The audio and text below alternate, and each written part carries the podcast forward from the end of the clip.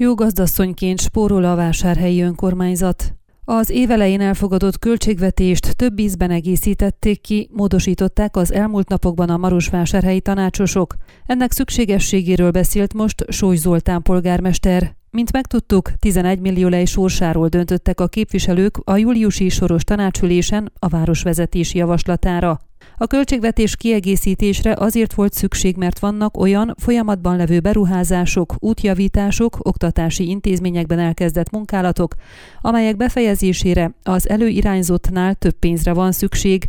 Így a városvezetés áttekintette, hogy melyek azok a beruházások és munkálatok, amelyek nem kezdődtek el, és azoktól elvették a pénzt, átcsoportosítva azt. Ha egy beruházás esetében még nincs meghirdetve a közbeszerzés augusztus 1-én, akkor azt idén már nem is lehet megvalósítani, így több tucat ilyen tervet egyelőre befagyasztottunk, és oda tettük a pénzt, ahol hiány volt. Megpróbálunk jó gazdasszonyként gazdálkodni, különös figyelmet szentelve az oktatásra, az útjavításra és a tömegközlekedésre, mondta a polgármester.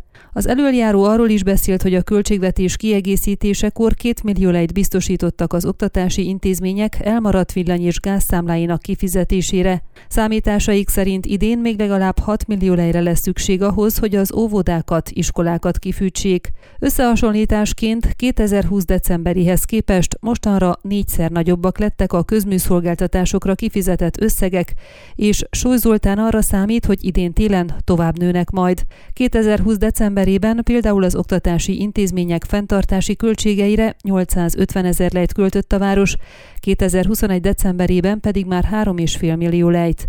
Mint megtudtuk, feltérképezik az oktatási intézmények, de a középületek kihasználtságát is, hogy lássák, hol tudnának esetleg spórolni részleges lezárásokkal. Mint az előjáró kifejtette, szükség lenne egy országos programra, amelynek nyomán alternatív fűtési rendszereket lehet beszerelni az oktatási intézményekbe, középületekbe, csak így lehetne legalább hosszú távon kiváltani a folyamatosan növekedő fűtésszámlákat. Sóly Zoltántól megtudtuk, hogy jelenleg a város bevételei és kiadásai között 28 millió lejes különbség van. Ezt fedezni tudják a tavalyi évi pénzügyi többletéből, de remélik, hogy ősszel, ahogy korábbi években is, a kormánytól is kapnak pénzt az oktatási intézmények fenntartására és a tömegközlekedésre. Ön a Székelyhon aktuális podcastjét hallgatta. Amennyiben nem akar lemaradni a régió életéről a jövőben sem, akkor iratkozzon fel a csatornára, vagy keresse podcast műsorainkat a székelyhon.pro portálon.